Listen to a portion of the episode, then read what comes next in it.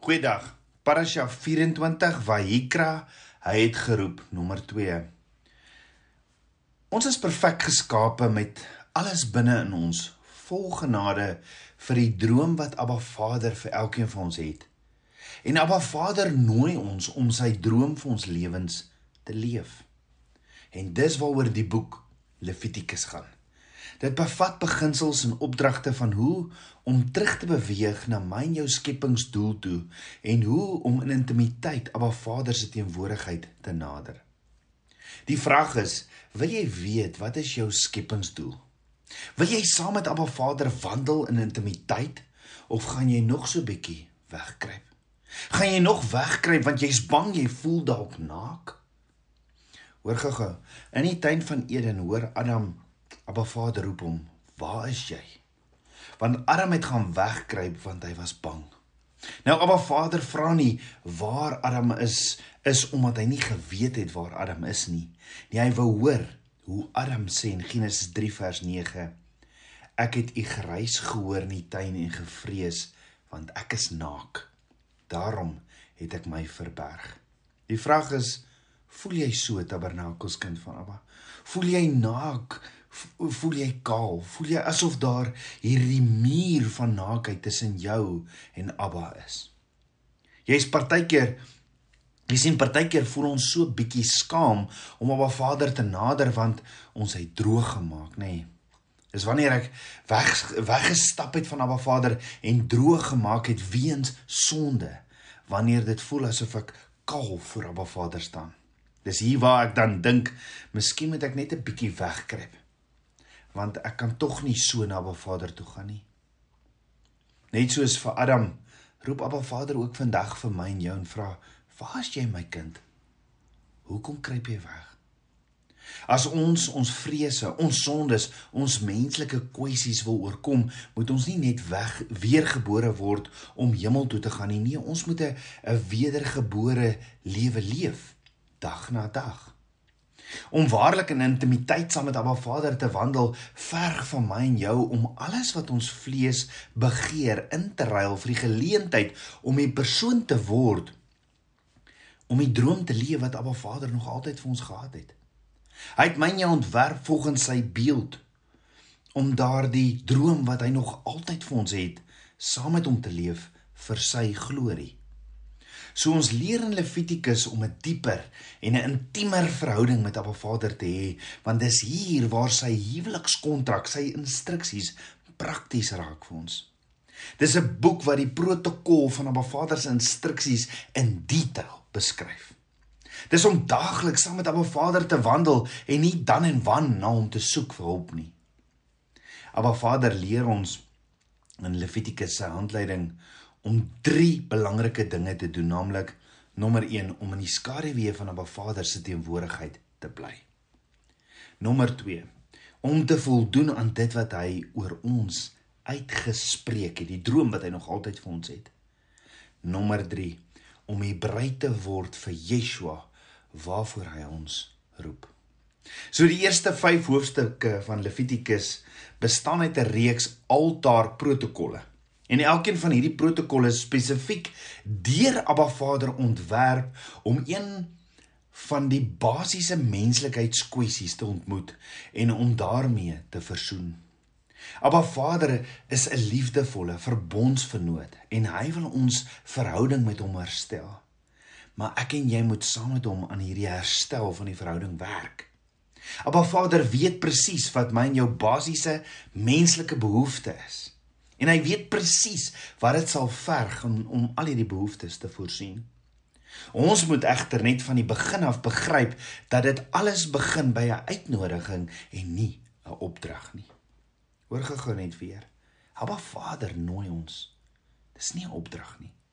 Want hy sê vir Moses in Levitikus 1 vers 2: As iemand van julle aan Jahweh 'n offer wil bring, Met ander woorde, Abba Vader nooi ons terug om 'n lewe te leef wat toegewy is aan Hom en mag ons terugkeer na Abba toe. So Abba Vader gee vir ons die prosesse en protokolle hoe om hom te nader en terug te keer na hom toe. Maar dink gou daaroor. Wie kan Abba Vader se aangesig soek? Ek en jy kan. Ons kan. Ons moet net die proses vertrou en hom shema, Heer, listen en obey. Ons moet sy protokol volg, nie ons eie nie.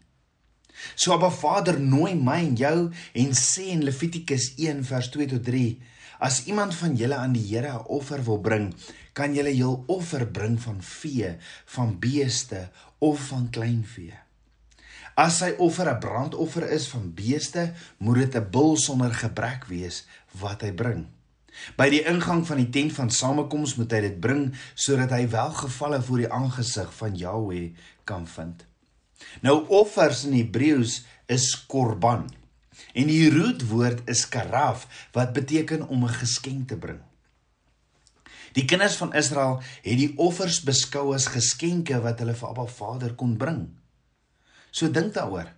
Benodig Abba Vader geskenke as Dawid verklaar in Psalm 50 dat Abba die eienaar is van elke dier en die vee op duisende heuwels?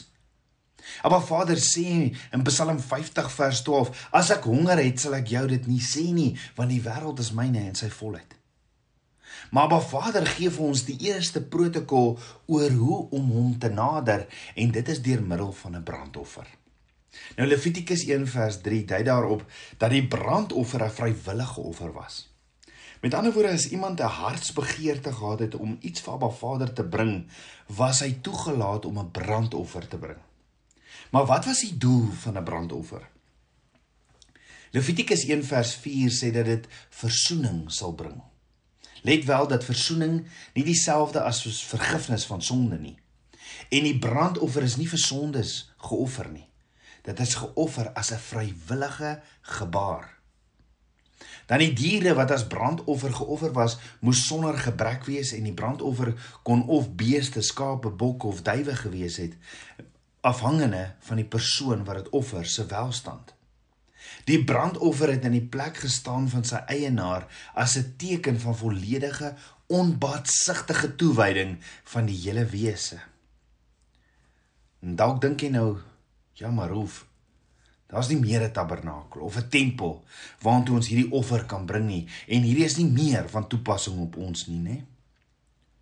Voor ons te vinnig hierdie boek toemaak, Hoekom vra ons nie eers vir Abba Vader net gou?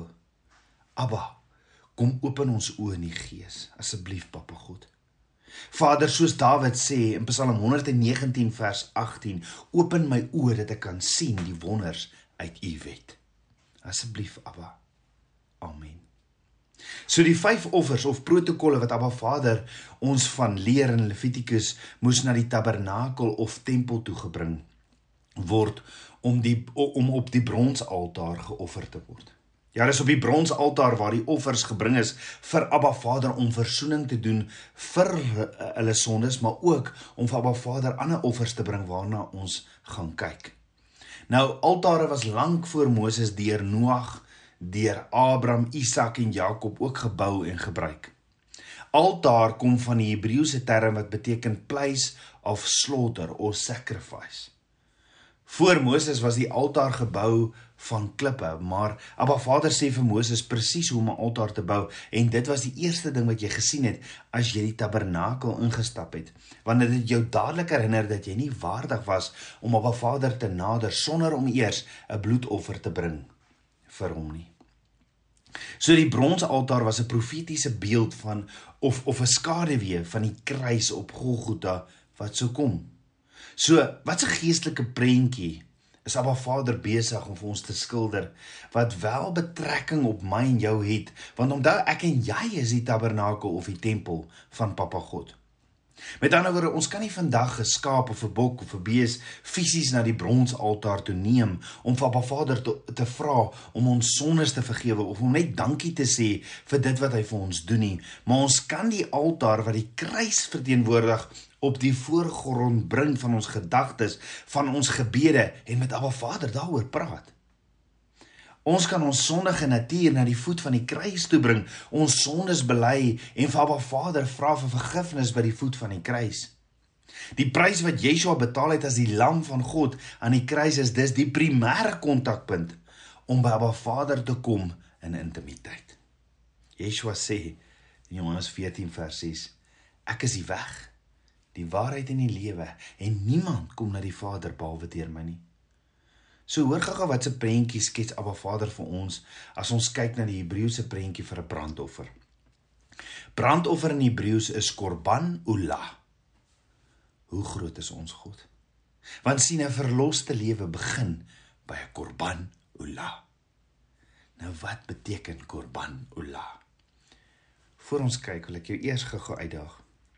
Sê sê gou net hard korban ula. Dankie.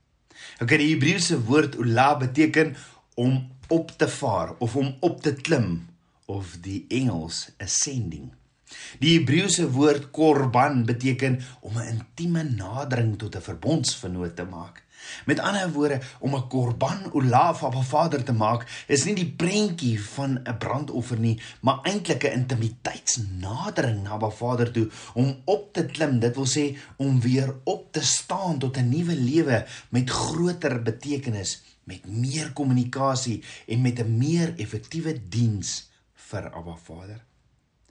Korban Ola skets 'n Hebreëse prentjie van iemand wat 'n houding het wat wil opstaan in volkomme onderdanigheid aan Abba Vader. Dis 'n prentjie van totale oorgawe aan sy wil, aan Abba Vader se weë en om vrywilliglik enige iets te doen vir Abba Vader. Om diensbaar te wees al loop jy deur diep waters of deur diep vuur. Dit alles uit pure liefde wat brand in jou hart vir Abba Vader. So hoor gou, korban ula is as ek die drum, die drempel van toewyding oorsteek om die verbondsvernoot en sy verbond te nader.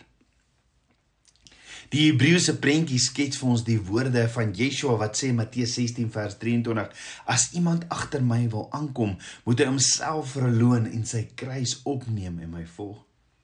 Jy sien soos wat hulle hulle beste hulle beste gebring het of dit nou van hulle beste beeste of van hulle beste kleinvee was, dit was iets baie persoonlik en kosbaar vir hulle.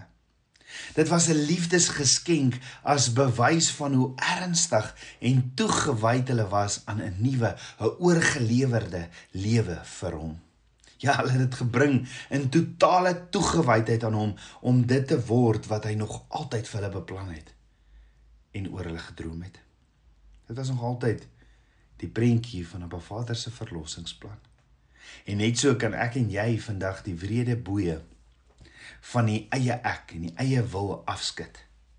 En uiteindelik word wat Abba Vader ons voorgeskaap het om te wees. Dit wat ons vervaardiger nog altyd vir ons beplan het. Onthou Abba Vader nooi ons om hom te nader sodat hy ons kan herstel en vat na dit wat hy nog altyd vir ons beplan het. Maar dit verg my en jou vrywillige samewerking. Hierdie vrywillige samewerking word net gemotiveer deur 'n onblusbare liefde. So die brandoffer of hierdie korban ula is ontwerp om op 'n Vader se grootste hartsbegeerte of wil aan te spreek. Dink daaroor. Wat is Abba Vader se grootste hartsbegeerte? Abba Vader se wil of hartsbegeerte is dat ek en jy vrywilliglik ons wil sal neerlê en oorgee aan sy wil. Om hom te shema, Heer, listen and obey. Met ander woorde, die prentjie wat Abba Vader vir ons teken van Korban Ula is nie 'n prentjie oor vergifnis van sondes nie. Nee, dit gaan daaroor dat ons vrywilliglik die drempel van vertroue in hom sal oorsteek. Dis 'n verklaring soos Yeshua se in, in die tuin van Getsemane waar hy sê in Lukas 42 vers 22: Vader, dat nogtans nie my wil nie, maar U wil geskied. Jy sien sonder 'n oorgee van jou eie wil en 'n aanvaar van Abba Vader se wil kan herstel na die droom wat Abba Vader vir jou het nie gebeur nie. As jy wil terugkeer na die droom wat Pappa God vir jou het, begin dit om jou eie opinies, jou eie selfgesentreerdheid, jou eie wil, jou eie ek neer te lê en te sê, Vader, nie my wil nie, maar U wil vir my lewe. Dit simboliseer die oorgee van jouself, jou gees, jou liggaam en jou siel aan Abba Vader. Paulus het waarskynlik die brandoffer in gedagte gehad toe hy aan die gelowiges in Romeine geskryf het en hulle aangespoor het om lewens van totale toewyding aan Abba Vader te leef. Ja Paulus sê in Romeine 12 vers 1: Ek vermaan julle dan broeders by die ontferming van God dat julle julle liggame stel as 'n lewendige, heilige en aan God welgevalle offer. Dit is julle redelike godsdiens. So wat beteken dit prakties? Paulus gebruik die offertaal as illustrasie van gehoorsaamheid. En Paulus doen 'n beroep op ons om ons hardnekkigheid, ons eie wil, ons ons selfgesentreerde egos op sy te sit en om ons aan Abba Vader se instruksies of gebooie te onderwerp. As ons ons eie persoonlike begeertes, ons eie wil en neigings neerlê en Abba Vader gehoorsaam, offer ons onsself ter wille van hom. So in plaas daarvan om 'n bul, 'n bok of 'n lam aan Abba Vader as geskenk te bied, bied ons onsself. Onthou weer gister se se Apple foon verduideliking. Die Apple foon met die beeld van die Apple op kan nie kan nie na die vervaardiger Apple toe gaan en sê hoorie ek wil eerder nie 'n foon wees nie. Wat 'n instrument is waardeur daar gepraat word nie, maar maar ek wil net ek wil ek wil eerder net 'n wekker wees. Nee. En net so tabernakels kind van Abba bestaan ek en jy as Abba Vader se skepping as gevolg van sy wil. Jy is nie hier vandag op aarde omdat jy 'n wil of 'n keuse gehad het by geboorte of 'n keuse gehad het om selfs te leef nie. Nee, jy het absoluut geen besluit gehad in jou geboorte of jou bestaan nie. Jy's hier want Abba Vader het vir jou 'n skepingsdoel en jy is syne. He created you with a purpose. Jy sien die grootste probleem hoekom ek en jy nie die droom leef wat Abba Vader ons voorgeskaap het nie, is ons eie hardkoppige en selfgesentreerde wil. En dit is die grootste hindernis wat ons self vrywilliglik moet oorkom en dit is waaroor 'n korban ola offer van Abba Vader gaan. Hy nooi ons om hierdie eie ek, hierdie eie wil neer te lê sodat ek en jy deur die Rietsee kan beweeg na die beloofde land, die droom wat hy nog altyd vir ons het. En dan sê Dawid in Psalm 51 vers 19: Die offers van God is 'n gebroke gees. 'n Gebroke en verslae hart sal U o God nie verag nie.